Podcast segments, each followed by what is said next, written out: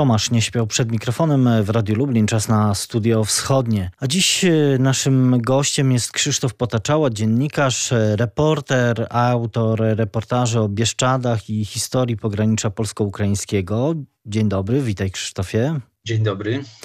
No bardzo się cieszę, że y, znów możemy porozmawiać y, w naszym programie, bo to już, jak dobrze liczę, nasze czwarte spotkanie i chyba staną się one te, tradycją, te nasze rozmowy o Twoich książkach, które gdzieś trafiają do y, księgarni na początku lata. No bardzo mi miło, że mogę mm, spotkać się ze słuchaczami Radia Lublin i opowiedzieć trochę o, o tych historiach pogranicznych, czyli pogranicze polsko-ukraińskiego.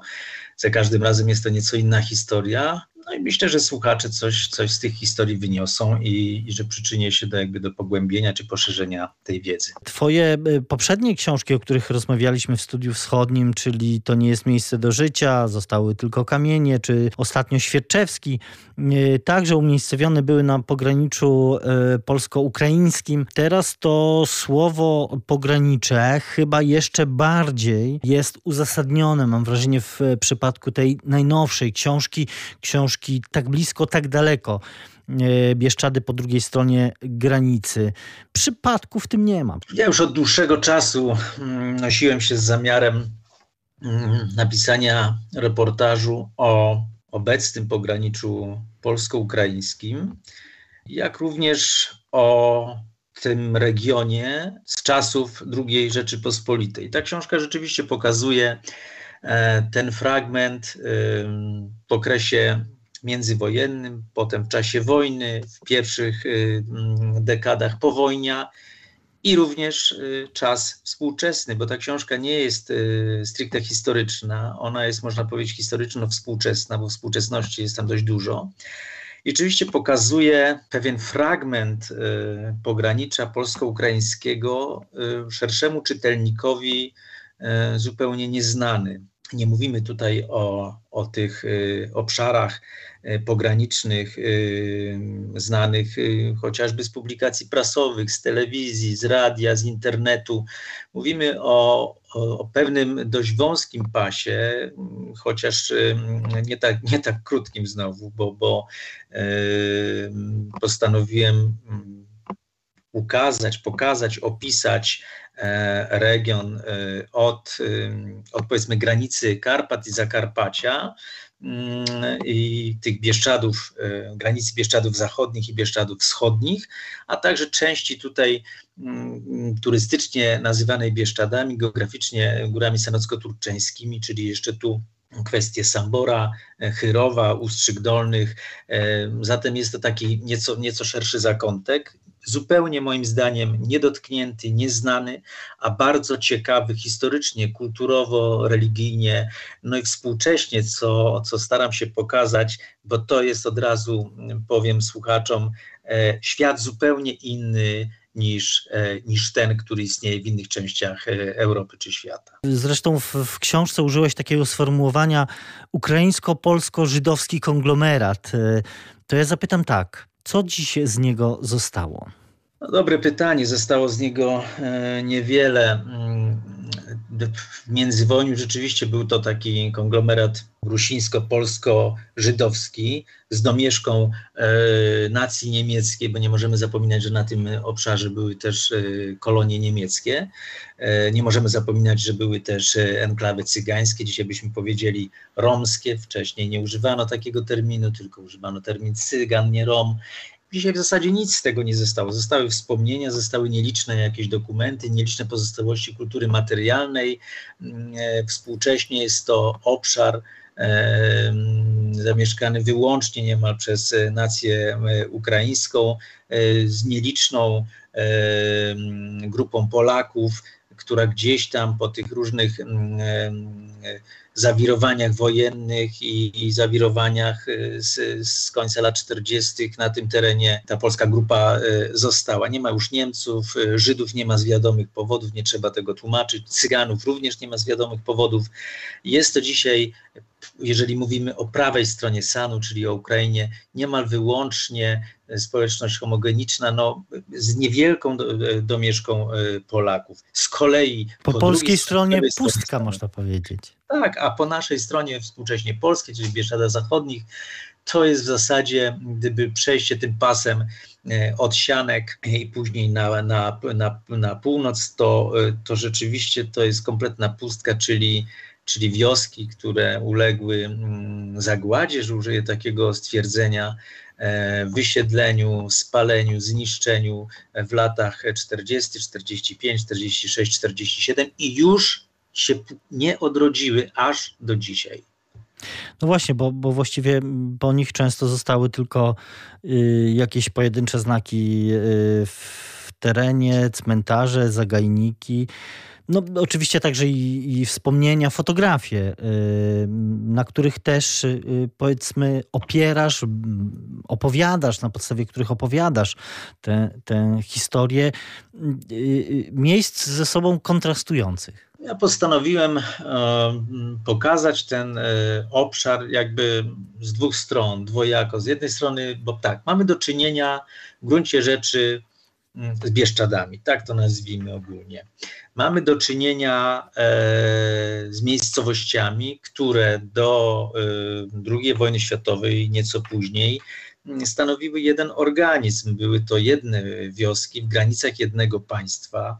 E, najpierw e, Polski, później wiadomo jak było za okupacji, to też nie trzeba tłumaczyć, a później e, Związku Radzieckiego już wiadomo, że stanowiły wtedy jakby osobną, odrębną część, czyli po polskiej stronie została część powiedzmy mm, danej wioski, a po drugiej stronie Sanu druga część tej samej wioski. Przez to ten świat został jakby przedzielony. Granica generalnie przyczyniła się do tego, do, do zniszczenia tego e, mikroświata, czy trochę większego świata.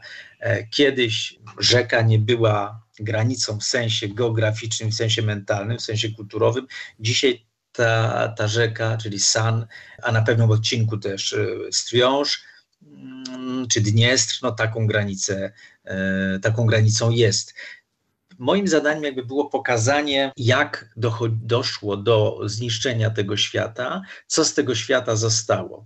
To jest opowieść o pamięci i o niepamięci. To jest e, opowieść o tym, jak ludzie próbowali sobie tutaj układać życie w czasie wojny, przed wojną i jak próbowali sobie układać życie po wojnie. To jest opowieść o relacjach polsko-rusińskich, polsko-ukraińskich, polsko-żydowskich, e, żydowsko-ukraińskich, czyli to jest generalnie opowieść o życiu, o życiu tym e, z lat 30., e, trochę z lat 20. wcześniej, z lat 40. i 50., 60. i aż tak do czasów współczesnych. Staram się pokazać na przestrzeni tych kilkudziesięciu lat wszystkie te zjawiska, wszystkie te mm, problemy, wszystkie te y, korekty graniczne, zawirowania polityczne, wojenne, no, które złożyły się na taki obraz tego, tego terenu, jaki dzisiaj y, mamy. Moim zdaniem obraz bardzo tragiczny, bardzo smutny, ale to, to, to, to jest y, głębsza kwestia, która gdzieś tam pewnie z tej książki wynika. Ten smutek i ten tragizm y, bez wątpienia czuje się w, na kartkach tej książki. Także jeśli czytamy historię konkretnych osób, na które na rozmowy, z którymi także w tej książce się y, powołujesz, no nie sposób w takim razie mm, y, nie, nie zapytać o, o co najmniej kilka postaci. Zacznijmy od pani Katarzyny Fedyczkany, czy, czyli ostatniej Polce z sianek, taka można powiedzieć osobna historia, e, mm, od której właściwie też zaczynasz e, swoją książkę, ale także e, bohaterka, która już nie żyje, zdobi, jej fotografia zdobi okładkę twojej książki. Też niezwykle przejmująca fotografia, to trzeba powiedzieć. Kim była pani Katarzyna? No ja miałem okazję Mm, odwiedzić y, panią Katarzynę Fedyczkanycz y, trzykrotnie. Byłem u niej w Siankach w domu. Rozmawialiśmy długo o, o jej życiu, y, o relacjach ukraińsko-polskich, o codzienności, o przeszłości. To była osoba mm, generalnie o korzeniach y, ukraińsko-polskich, ale czuła się bardzo związana z Polską. To się przejawiało w tym, że słuchała polskich stacji radiowych, jeśli miała taką możliwość, że bardzo była związana z polską kulturą, znała wiele piosenek, znała trochę literatury, trzymała w domu polską flagę, była bardzo do Polaków przyjaźnie nastawiona i mimo, że tak jak wspomniałem, miała te mieszane korzenie, to bardziej chyba czuła się Ale też życie ją też doświadczało, bo przecież była wysiedlona, ona potem wróciła do Sianek. No oczywiście ona była wysiedlona w związku z tym, że wszystkich wtedy, wtedy w tych 40 latach stąd wysiedlano z tego pasa przygranicznego. Później, kiedy można było na powrót się osiedlić, ona zrobiła wszystko, żeby wrócić. Ktoś mi kiedyś zadał pytanie, dlaczego nie, przy, nie pojechała do Polski? No to dlatego nie pojechała, bo nie miała do kogo. To, to było jej miejsce urodzenia tu się urodzili jej e, przodkowie, ojciec, matka, dziadkowie, e, rodzeństwo. To była osoba, która e, znała sianki od, od dzieciństwa i wiedziała, że gdzie indziej będzie się czuła obco. Tym bardziej że... też, że, że miała trudną sytuację też rodzinną. Mówię tutaj o chorobie córki. No bardzo trudną, bo miała niepełnosprawną e, córkę dorosłą, którą musiała się opiekować. To długa historia, nie będziemy jej e, mhm. opowiadać, ale to jest to, to ta kobieta, zresztą ją odwiedzało wielu Polaków, którzy mm, przyjeżdżali do Sianek, czy później z Sianek jechali dalej na stronę zakarpacką e, turystycznie. Ona wszystkich bardzo chętnie przyjmowała, bardzo była taka gościnna i ona stała się takim symbolem Sianek, jako ta ostatnia taka rzeczywiście Polka jej takim największym marzeniem było przejście do polskiej części Sianek i tam spotkanie się e, z rodakami. No to się jej do śmierci nie udało, mm, ale, ale gdzieś to cały czas w sercu, w sercu nosiła. No stała się takim symbolem i stąd jej historia i życia i rodziny jest dość dość szczególna, dość taka barwna, stąd postanowiłem ją nieco szerzej tam e, pokazać. Podobna w jakimś sensie oczywiście historia jest także pana Czesława Majewskiego z Turki. Czesław Majewski niestety kilka miesięcy temu umarł. Ja miałem okazję jeszcze z nim porozmawiać e, w Turce, dość, dość długą rozmowę przeprowadziliśmy dzięki uprzejmości też miejscowych władz, które tam udostępniły nam e, pewien lokal, mogliśmy sobie spokojnie porozmawiać. To był człowiek, który e, mm, u kresu życia bardzo pragnął kontaktów z rodakami z zachodniej strony, czyli z Polski.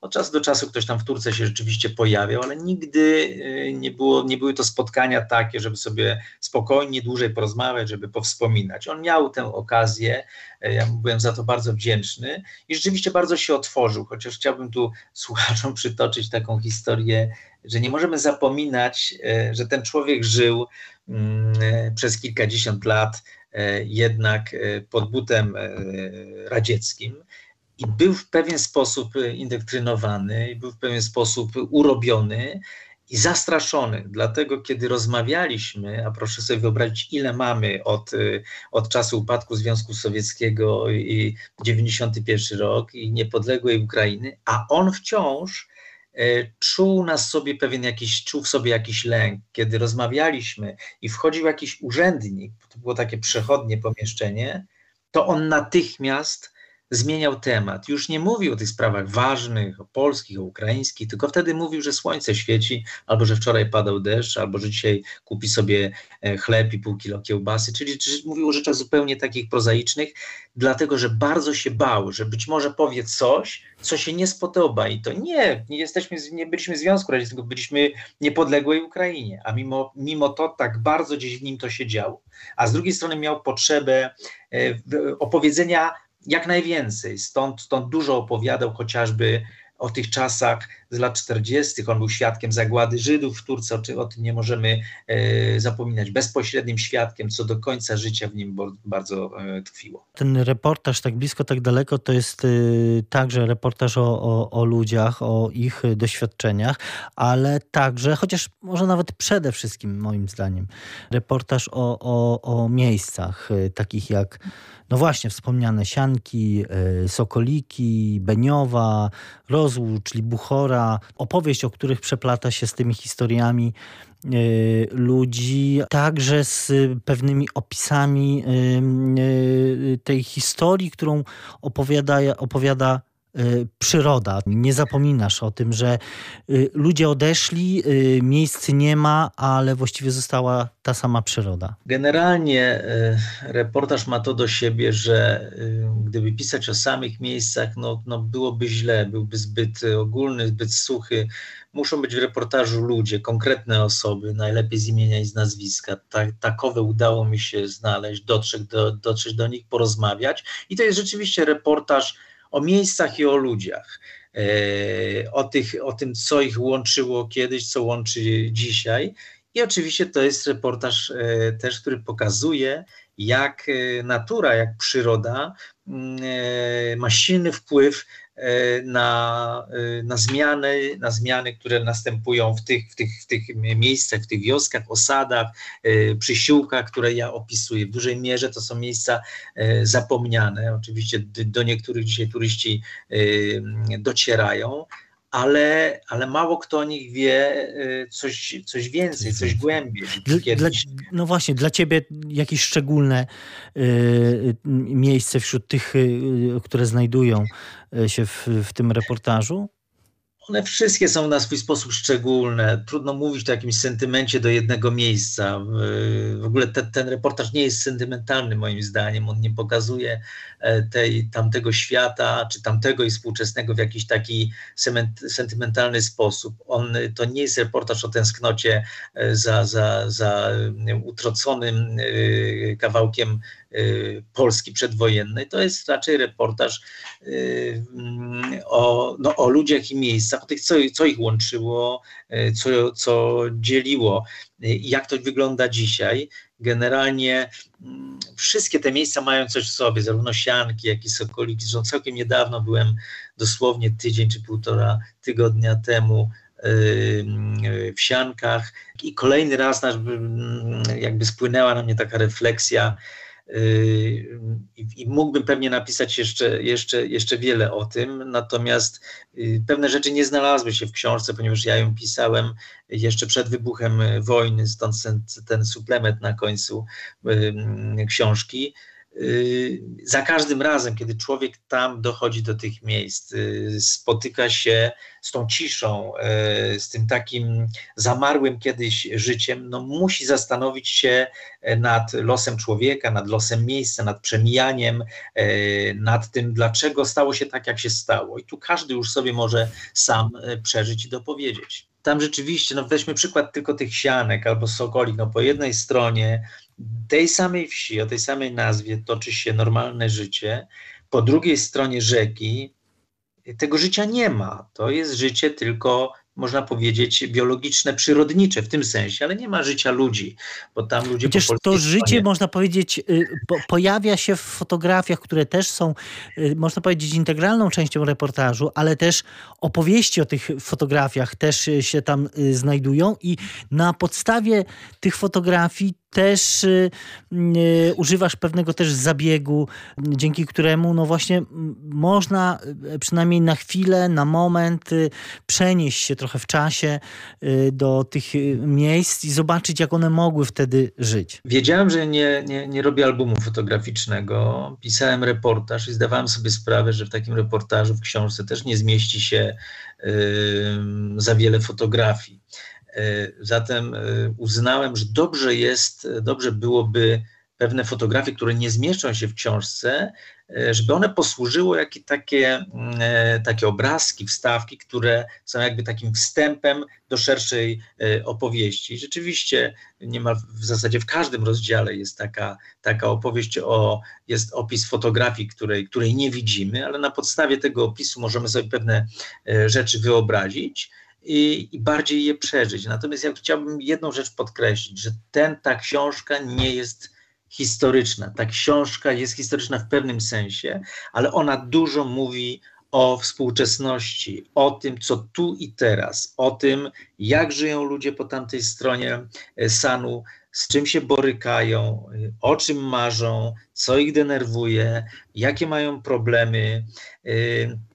E, Dlaczego młodzi stamtąd uciekają i nie wracają, powiedzmy? Dlaczego ten teren się nie rozwija, a powinien się rozwijać? Jak, dlaczego tak jest? To jest podstawowe pytanie. I ja przemierzam te wszystkie osady, wioski, przysiłki, rozmawiam z ludźmi, staram się pokazać ten fragment Ukrainy, no, który jest ewenementem z tego względu, że dalej na Ukrainie takich, takich miejscowości już nie ma. Nie ma zresztą ich w całej Europie. To jest pewna enklawa, która no, gdzieś jednak zatrzymała się w czasie kiedyś i póki co to nie ruszyła z miejsca. I to jest fascynujące w tej opowieści, w tym całym polsko-ukraińskim pograniczu. Ta książka to tak blisko, tak daleko, Bieszczady po drugiej stronie granicy, o której dziś rozmawiamy w Studiu Wschodnim. Naszym gościem jest Krzysztof Potaczała, dziennikarz, reporter, autor tejże właśnie książki. Do naszej e, rozmowy w Studiu Wschodnim wracamy za kilka chwil. Studio Wschodnie. Studiu wschodnim wracamy do rozmowy. Dziś naszym gościem jest Krzysztof Potaczała, dziennikarz, autor książki Tak blisko, tak daleko, Bieszczady po drugiej stronie granicy. O tej najnowszej książce naszego gościa dziś e, rozmawiamy. Jest też wiele takich momentów w tej książce, w których można się tak zastanowić, czy, czy, czy, czy wszystko po tej drugiej stronie zostało wykorzystane, bo jeśli czytamy o niemalże kurortach e, przedwojennych, w których e, były tłumy tłumy y, wczasowiczów, letników, y, a dziś, no można powiedzieć, niewiele z tego y, zostało, to można też pomyśleć, że gdzieś też ta szansa została zaprzepaszczona. Po polskiej stronie nie ma nic, po ukraińskiej wiele się zmieniło. No rzeczywiście, to, to jest pewien problem. Zadałem sobie trud, jakby chciałem dociec, dlaczego jest tak, jak jest. Dlaczego obszar, który miał i wciąż ma wszelkie możliwości rozwoju gospodarczego, e, takiego ekonomicznego, w tym turystycznego, wciąż jest taki nietknięty. On jest e, niezwykle e, bogaty przyrodniczo, piękny krajobrazowo. Nawet bym zaryzykował stwierdzenie, że fragmentami ładniejszy od, od, od, od polskich Bieszczadów dzisiejszych a jednak y, to życie wygląda tam mm, tak, jakby, jakby były jakieś przeszkody, żeby ten teren rozruszać. Nie mówię tu o wielkim przemyśle, bo tak, tak, takowy tu y, nie ma racji bytu. Nie mówimy o, przedwo- o, o czasach przedwojennych, kiedy tu funkcjonowały e, huty szkła, tartaki, działała kolejka wąskotorowa, była koniunktura na drewno i tak dalej, i tak dalej. To te czasy minęły, natomiast zadałem pytanie e, władzom e, Turki, e, tym sołtysom w poszczególnych wioskach, zwykłym mieszkańcom tych wszystkich miejscowości, dlaczego nie postawicie na rozwój turystyczny, na rozwój Y, taki y, wypoczynkowy, żeby, żeby stworzyć z tych miejscowości y, to, co, co przed wojną już zaczęło mieć rację bytu. Mówimy to o Siankach, Sokolikach, Beniowej, Rozłuczu i wielu innych miejscowościach. I zawsze padała jedna odpowiedź. Mm, musimy poczekać, bo może jak państwo da, to może ktoś się zgłosi, to może my wtedy zrobimy. To wynika z tego, że jeżeli Kijów, w sensie politycznym, w sensie władzy centralnej, nie da pieniędzy, czy nie przyjedzie tu jakiś urzędnik i powie, tu robimy to i to, to my sami nie ruszymy z miejsca. E, inicjatywa taka prywatna, czy, czy powiedzmy coś na wzór społeczeństwa obywatelskiego, to jeszcze jest daleka droga e, na Ukrainie. Tam to nie istnieje. Ci ludzie są przyzwyczajeni, czy byli przyzwyczajeni, wciąż myślą, że ktoś im da, ktoś za nich zrobi. I tu nawet nie mówimy o jakichś szerokich projektach chociaż nie kto inny jak święty pamięci Czesław Majewski mówił, że i pamiętał, jak można było wykorzystać rzekę Stryj e, turystycznie i gospodarczo e, w międzywojniu, a teraz ona zupełnie nie jest wykorzystana, mimo że płynie tym samym korytem i Turka nie, zmieni, nie zmieniła miejsca położenia. I nie jest to wykorzystane. I, i taki tylko przykład.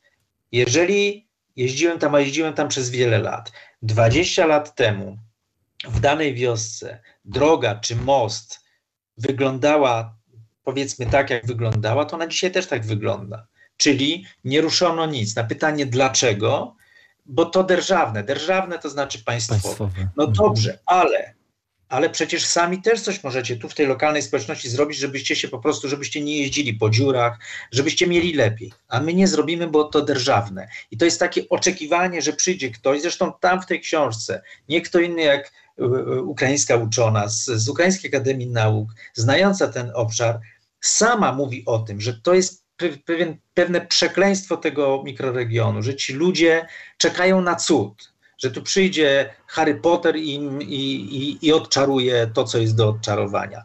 I, I, jeśli rozmawia się z tymi ludźmi o tym, że bierzcie przykład z tego, co było, to nie znaczy, że przed wojną było cudownie, to nie znaczy, że wszystko było elegancko, nie popadajmy też w takie skrajności. Też było, e, była nędza, były choroby, był brud, było dziadostwo, yy, oczywiście, ale jednak coś robiono i takie miejscowości jak Sianki, Rozłóż, Sokoliki, Y, Topolnica, Strzyłki y, rzeczywiście zaczęły y, żyć, zaczęły mm, no, mieć dochody, krótko mówiąc, z turystyki, z wypoczynku. No były, by, było wiele pensjonatów, willi z całodziennym, jak piszesz, wyżywieniem, z własnymi piekarniami, wędliniarniami, sklepami mięsnymi.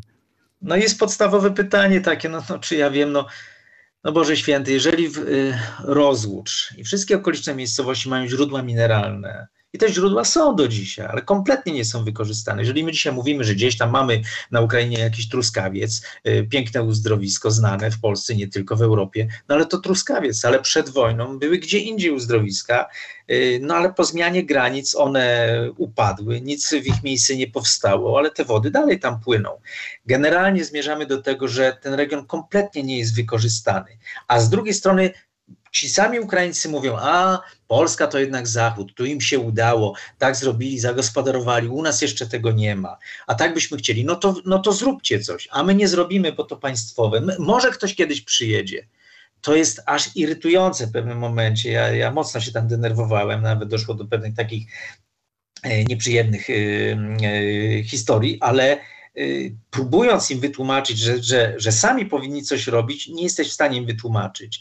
Takie y, y, kwestie jak jakaś, dawno upadły tam też sowchozy i, po, i kołchozy, tam mnóstwo ziemi leży odłogiem, ale próbujcie coś zrobić, a nie, my nie zrobimy. Ale dlaczego nie zrobicie? No bo to jest, no bo to jest właśnie takie społeczeństwo, że gdyby im ktoś nakazał i dał, to oni będą pracować. A jeżeli im ktoś nie, no, nie nakaże i nie da, no to jest bardzo trudno. To jest bardzo trudno. Ja takie przykłady tam podaję, nie będę tego zdradzał. Czytelnik, jeżeli zechce, to sobie w książce e, przeczyta, ale to jest moim zdaniem, to jest potwornie niewykorzystany e, region z takimi krajobrazami, z takimi możliwościami gospodarczymi, jakich mało.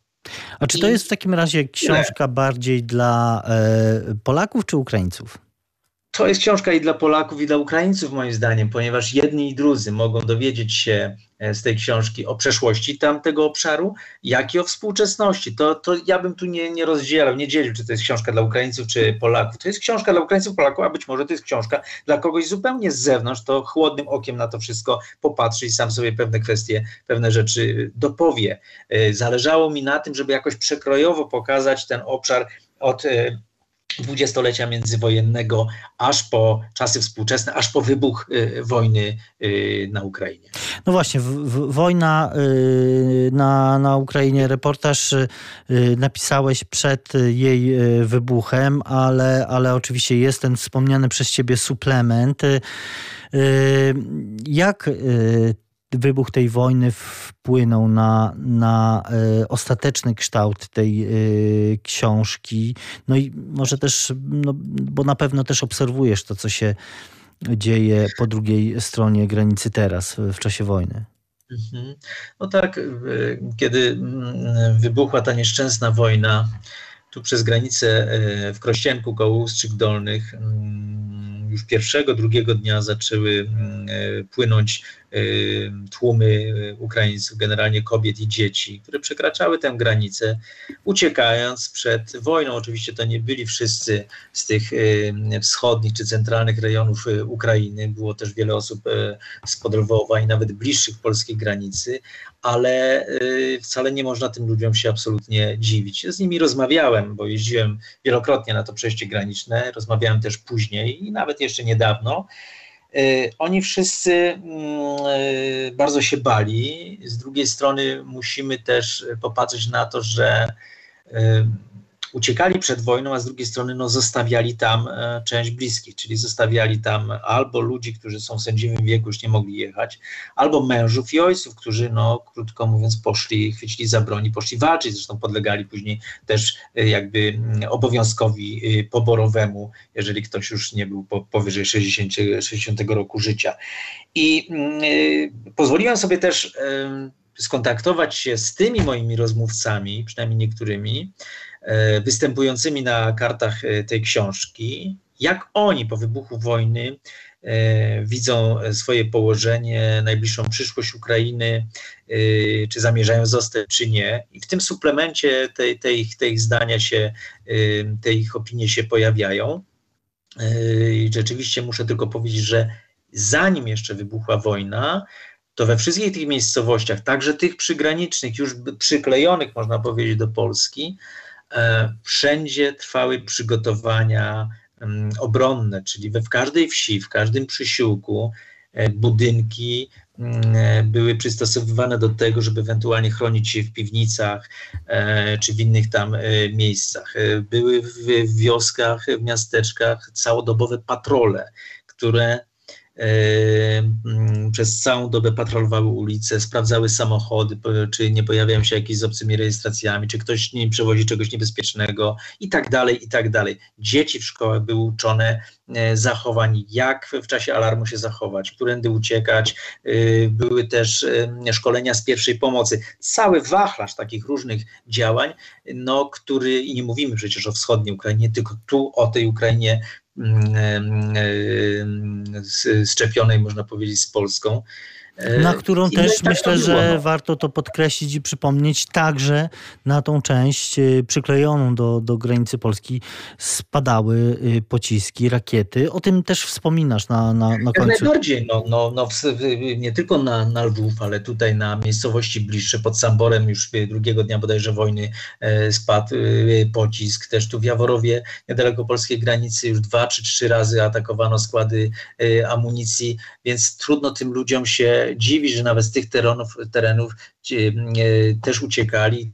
Tych uchodźców po polskiej stronie błyskawicznie mnóstwo się pojawiło. Do dzisiaj zresztą oni są i mieszkają, co ciekawe, e, również w tych miejscowościach po polskiej stronie, które są, e, które występują e, w moim reportażu, czyli powiedzmy w Tarnawie, w Mucznem. Ci Ukraińcy są tam obecni i, I znowu wracamy do tytułu. Są tuż przy swojej ojczyźnie, dzieli ich tylko san.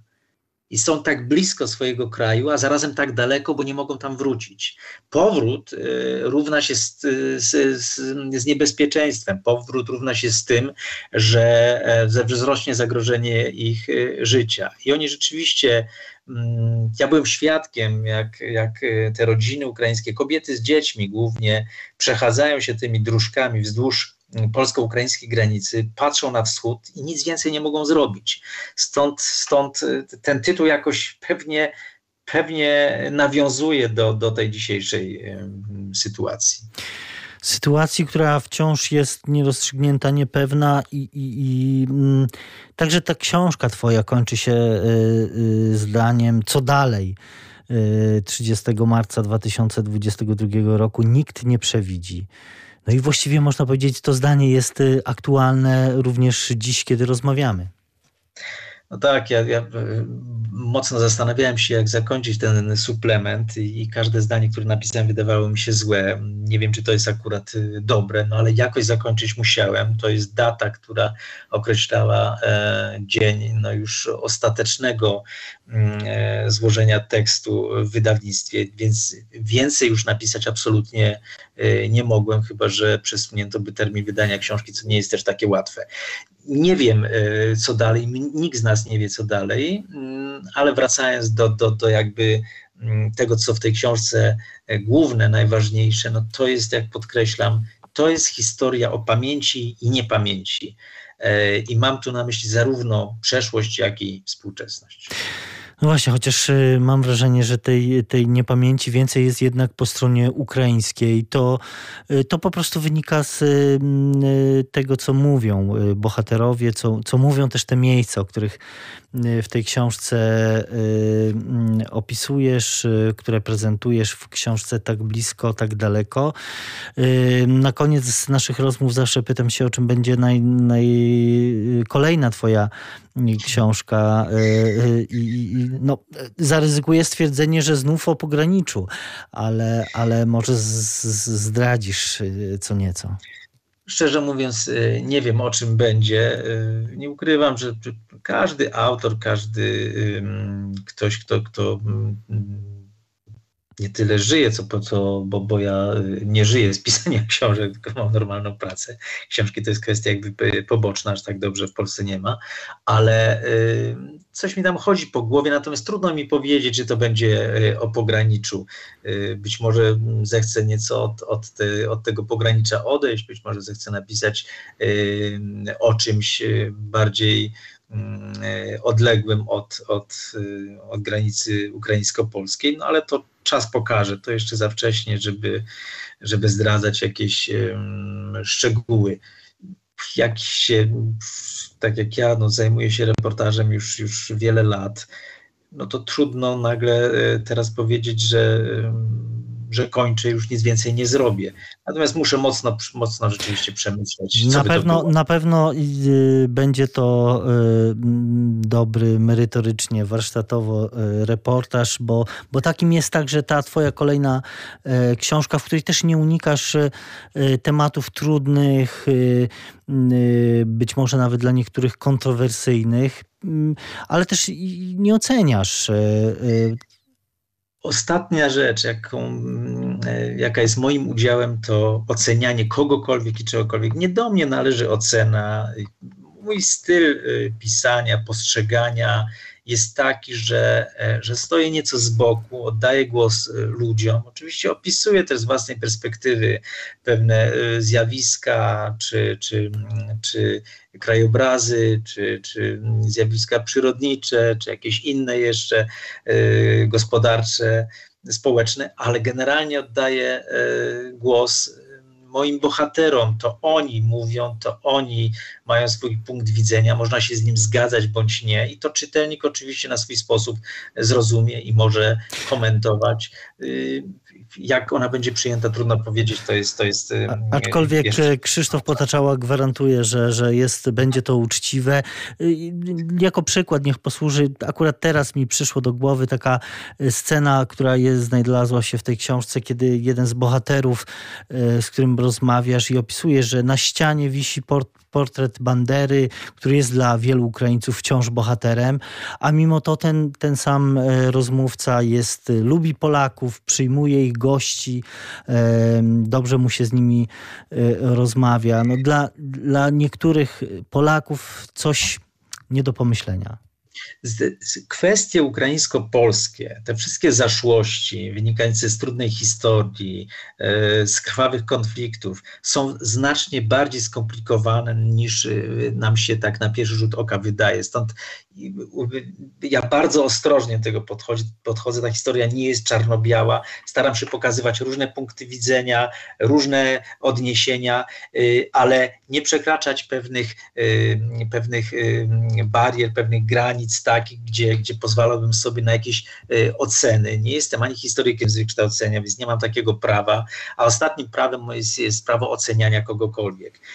Nie będę oceniał, od tego są mm, inni, choć chociaż nie podoba mi się, kiedy, kiedy ktoś, kto nie zna tematu, albo jeszcze nie przeczytał danej publikacji, albo nawet nie zapoznał się z jej fragmentem, już y, komentuje, już, już y, sączy się jad. Z jednej strony mówimy tak, biedna Ukraina, wojna, pomagajmy Ukraińcom, a z drugiej strony jak próbujemy układać sobie te relacje, to zawsze gdzieś z tyłu y, wychodzi ta przeszłość, która jest nieprzepracowana, która no, no, no ciągle jest jakby takim, taką taką kością niezgody między Polską a Ukrainą. Ciężko nam jakby mm, pokonać te wszystkie trudności i iść do przodu, no bo taka jest jakby teraz y, nasza rola. Powinniśmy iść do przodu, powinniśmy razem coś robić, pamiętając oczywiście o przeszłości, a tu ciągle te zadry, te złości, te nienawiści, ciągle ten bandera, ciągle ta upa. No nie odejdziemy od tego, ale chciałbym przypomnieć, że, że, że Polacy